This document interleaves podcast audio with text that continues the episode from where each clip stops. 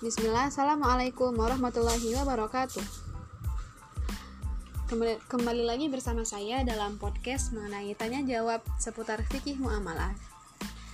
Pada episode kali ini saya akan melanjutkan menjawab pertanyaan-pertanyaan. Langsung saja pertanyaan yang kesembilan adalah bagaimana analisa janji dan akad dalam transaksi bisnis pada e-commerce Sistem jual beli secara online dalam konteks hukum Islam sama halnya dengan jual beli dalam konteks muamalah. Akan sah jika transaksi dan akadnya sesuai dalam Al-Quran maupun hadis, berdasarkan pertimbangan kemaslahatan masyarakat atau kepentingan umum. Menurut Richard D. Avan dalam penelitiannya mengenai analisis jual beli online pada e-commerce berdasarkan hukum syariah, setelah beliau menganalisis beberapa proses transaksi e-commerce, dapat disimpulkan bahwa adanya penjelasan mengenai jenis transaksi jual beli online pada e-commerce di Indonesia dan sudah sesuai dengan hukum syariah.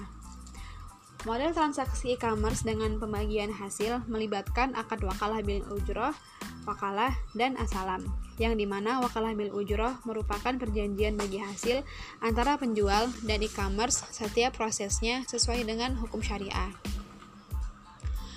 Uh, model transaksi e-commerce tanpa bagi hasil melibatkan akad wakalah, wakalah, dan salam yang di mana penjual e-commerce tidak memiliki pembagian hasil dan pembagian hasil. Jadi model ini hanya menjadikan e-commerce sebagai media iklan yang setiap prosesnya sesuai dengan hukum syariah.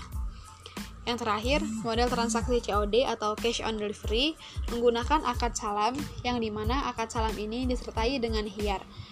Hiar merupakan mencari yang terbaik di antara dua pilihan, yaitu meneruskan atau membatalkan jual beli dengan syarat yang sesuai dengan hukum syariah. Uh, cukup sekian pada episode kali ini. Terima kasih. Sampai jumpa di episode, selanjutnya. Assalamualaikum warahmatullahi wabarakatuh.